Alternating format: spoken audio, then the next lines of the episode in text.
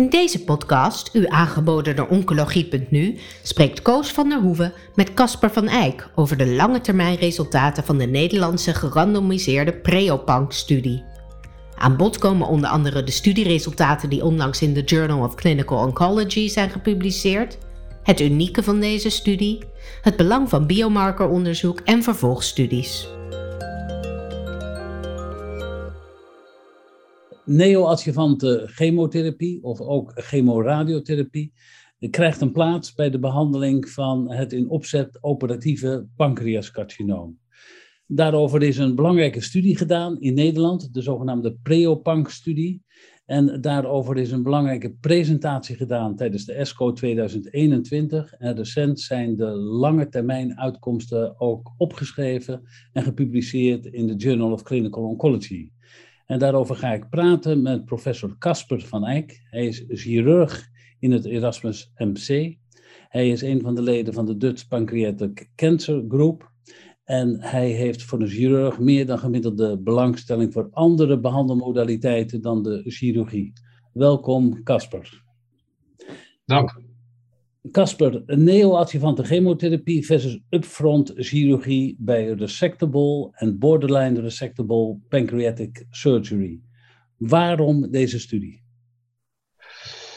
Ja, goede vraag. Deze studie hebben we met name gedaan uh, omdat we natuurlijk toch uiteindelijk lange termijnsresultaten van patiënten die we geopereerd hebben uiteindelijk willen verbeteren. Dat is denk ik de allerbelangrijkste reden. En daarbij moet ik zeggen dat we natuurlijk stiekem ook toch wel gekeken hebben naar andere tumorsoorten. Waarbij je duidelijk ziet dat de neoadjuvante behandeling natuurlijk de prognose van de patiënt aanzienlijk verbetert. Ja, de studie die, die uh, had inclusie tussen 2013 en 2017. Dat is belangrijk om ook nu lange termijn effecten te kunnen uh, rapporteren. Um, wat was de opzet van de studie? De opzet was de studie om de gebruikelijke behandeling, zeg maar het direct opereren van patiënten, te vergelijken met patiënten die voorbehandeld werden met toen door tijd nog de, hele gebruikelijke chemotherapie middels gemcitabine. En dat in combinatie zeg maar, met bestraling, dus met radiotherapie. Dus met andere woorden, de patiënten werden of uh, bestraald in combinatie met chemotherapie, gemcitabine, of ze werden geopereerd en in beide groepen kregen de patiënten dan, nadat ze geopereerd waren, ook nog een keer de adjuvante gemcitabinebehandeling. Ja, uh, het ging om patiënten die uh, resectabel waren of borderline resectabel. Hoe was dat precies gedefinieerd? Ja, we hebben binnen de DPCG hebben we de criteria vastgesteld, zeg maar, voor resectabel. En heel simpel gezegd, gezegd zijn dat alle tumoren die nagenoeg geen vasculair contact hebben. Dus geen contact hebben met dan wel de arteriën, dan wel met de venen. En bij borderline uh, uh, tumoren is het zo dat er een heel beperkt uh, vasculair contact is. Dan wel met de venen, dan wel met de arteriën. En op die manier kan je heel mooi op basis van CT-scans kan je die stagering maken tussen borderline, tussen borderline of tussen resectabel en locally advanced. De studie die liep in 16 centra maar, eh, in Nederland, maar de verwijzing kwam ook van andere ziekenhuizen in Nederland. Hebben jullie ja. vaak de, de conclusie dat iets resectable of borderline resectable was moeten wijzigen uh, als je de beelden opnieuw uh, bekeken had? Ja, over het algemeen is het zo dat de patiënten verwezen worden met een pancreastumor naar een specialistisch centrum en dat die stagering van tevoren in andere centra vaak niet eens is gedaan. Dus hè, mensen worden uh, met een, een solide afwijking in de pancreas doorgestuurd naar een expertisecentrum. En daar wordt uiteindelijk die definitieve stagering gedaan. Dus het is moeilijk om te zeggen dat we nou heel veel patiënten anders hebben gestageerd in die expertcentra dan in andere ziekenhuizen. Oké, goed. Dan gaan we naar de, de resultaten van de, de, de studie. En de eerste resultaten waren natuurlijk de resectie. Uh, was het aantal, hoe, wat waren de uitkomsten van de resectie van de groep die upfront uh, geopereerd was en van de groep die neoadjuvant chemoradiotherapie gehad had? Nou, het is zo dat uiteindelijk van hè, de groep, we hadden uiteindelijk 248 patiënten, waarbij er 119 patiënten in de chemoradiotherapiegroep zaten en 128 patiënten die, zeg maar, die, waren, uh, die zaten in de arm van de directe chirurgie.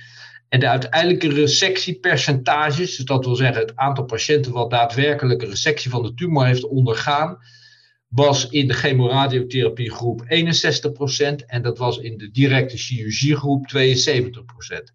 Ja. Nou, dat, dat, ja, dat is een, een heel gering verschil.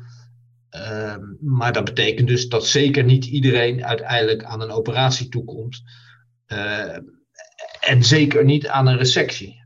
Ja, ja. oké. Ehm, dan was er eh, voorafgaande aan die behandeling misschien toch ook wel zorg over de toxiciteit die chemoradiotherapie met zich mee zou kunnen brengen. Kan je iets vertellen over die toxiciteit die de patiënten hadden? Ja, in zijn algemeenheid zijn er eigenlijk geen patiënten uh, uitgevallen, zeg maar, ten gevolge van de toxiciteit van de behandeling. Dus die viel over het algemeen ontzettend mee. Wat we natuurlijk gedaan hebben, is dat we gekeken hebben naar de, de, de, de majeure uh, uh, adverse events in beide groepen. En dat was ook significant niet verschillend. En want je zou je kunnen voorstellen dat je door bijvoorbeeld de chemoradiatie, dat is ook waar men in eerste instantie heel erg bang voor was, dat er veel meer chirurgische complicaties zouden zijn. Ja. Nou, en dat is dus absoluut niet het geval. Het omgekeerde lijkt eerder het geval. Bij sommige tumorsoorten zie je wel eens dat als er een, een, een goede uh, neoadjuvante therapie gegeven is, dat er pathologisch complete responsen ontstaan. Waren de patiënten die geopereerd werden bij wie dat het geval was?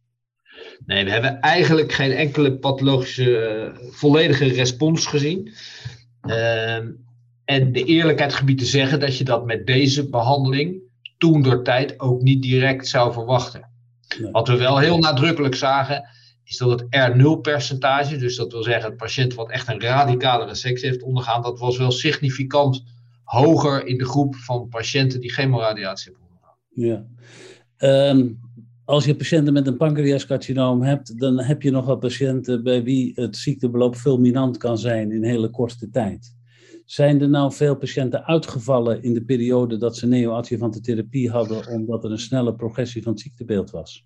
Ja, er zijn een aantal patiënten zijn er uitgevallen. Dat is, bij benadering zijn het ongeveer 10 van de 119 geweest. Uh, ja, en dat is natuurlijk zeer de vraag of je die patiënten überhaupt natuurlijk wel met een, met een directe resectie had kunnen, uh, kunnen genezen. Omdat ja, het natuurlijk heel waarschijnlijk is dat die, die progressieve ziekte, met, met name dus die afstandsmetastase, ja, die waren natuurlijk op het moment van het stellen van de diagnose ook al aanwezig. Ja, dus je hebt waarschijnlijk dan de groep geselecteerd die anders ook al slecht uh, afgeweest was. Absoluut, ja. Ja. Um, nou gaat het natuurlijk om de survival. Wat was de gemiddelde survival, de mediane survival van de twee groepen? De mediane survival van de chemoradiatiegroep, dat, die was 15,7 eh, maanden. En van de directe chirurgiegroep was dat 14,3 maanden. Ja, dus dat is eigenlijk niet wezenlijk verschil in. Dat was, nee, dat, dat leek op zich leek dat niet wezenlijk verschillend. Wat heel belangrijk is om te vermelden, is als je die resultaten wil interpreteren en natuurlijk ook gaat vergelijken zeg maar, met de andere studies zoals die gepubliceerd worden, dat deze resultaten gepubliceerd zijn op basis van de intention to treat analyse. Ja, ja. En dat is voor deze studie echt essentieel om dat goed in je achterhoofd te houden, omdat natuurlijk alle andere publicaties, als het bijvoorbeeld gaat om alleen adjuvante chemotherapie, Hè, zoals de studie van uh, Conroy uh, met de Fofirinox. Ja, dat geeft natuurlijk prachtige resultaten, maar dat is een super, super, super geselecteerde groep. Ja. En dat is hier dus absoluut niet het geval. Ja, ja. De mediane survival die maakte dus eigenlijk weinig verschil.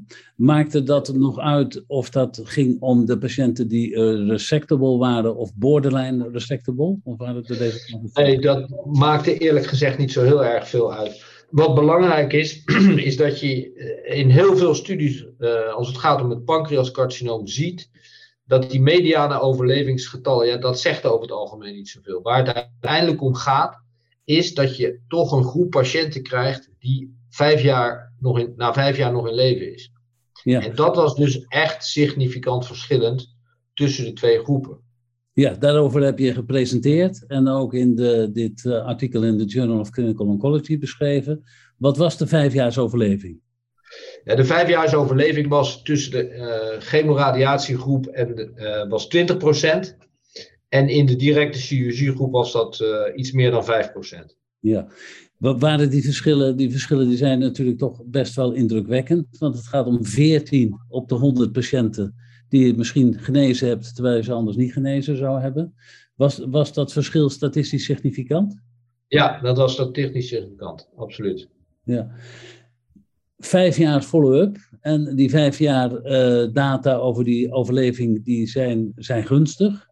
Uh, als je vijf jaar kijkt, dan kan je ook naar de late termijn uh, effecten kijken van die chemoradiatie. Waren er nou ook lange termijn negatieve gevolgen van die chemoradiatie?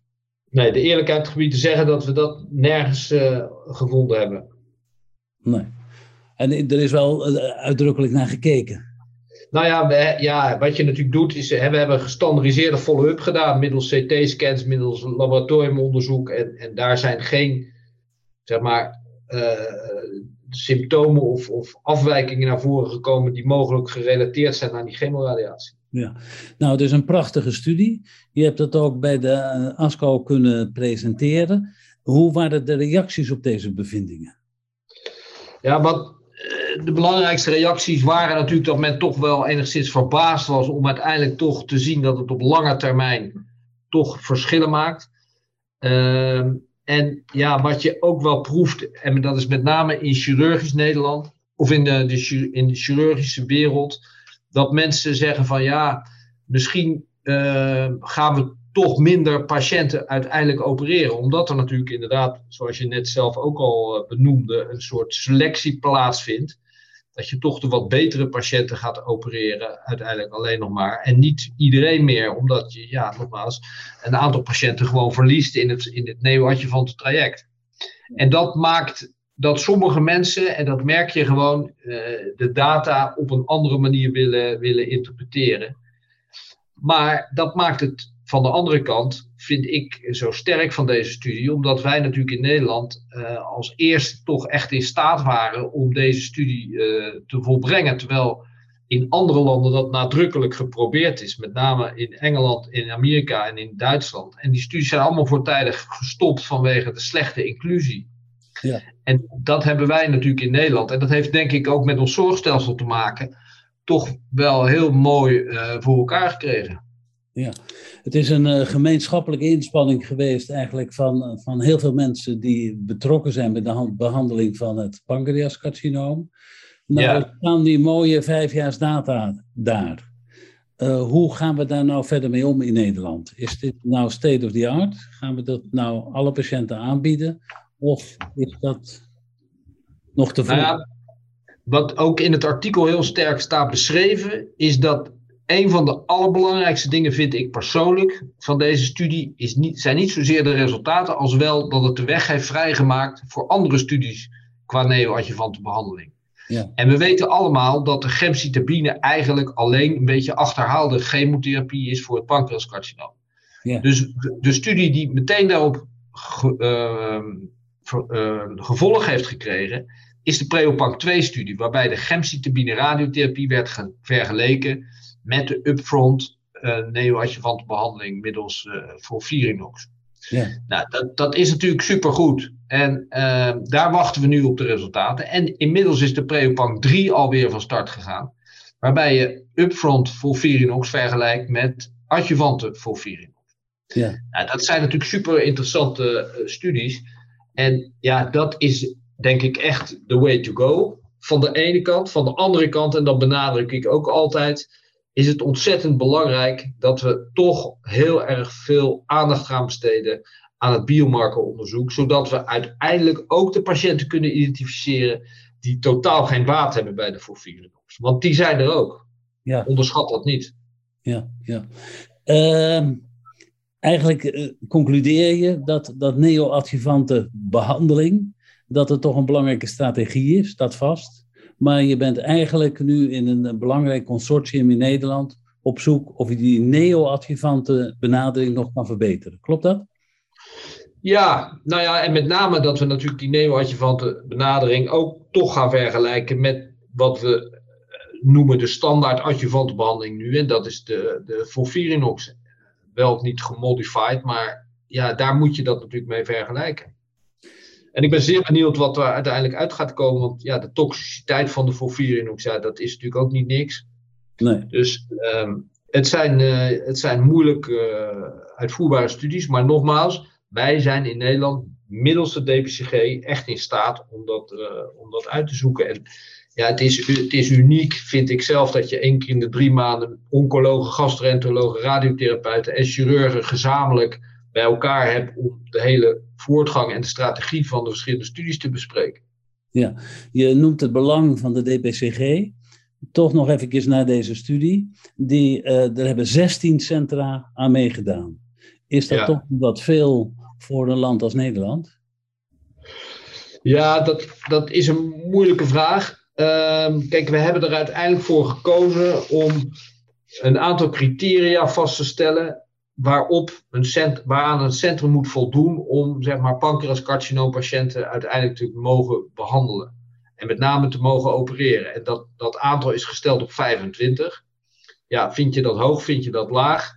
Ik vind dat, uh, dat, dat moeilijk te zeggen.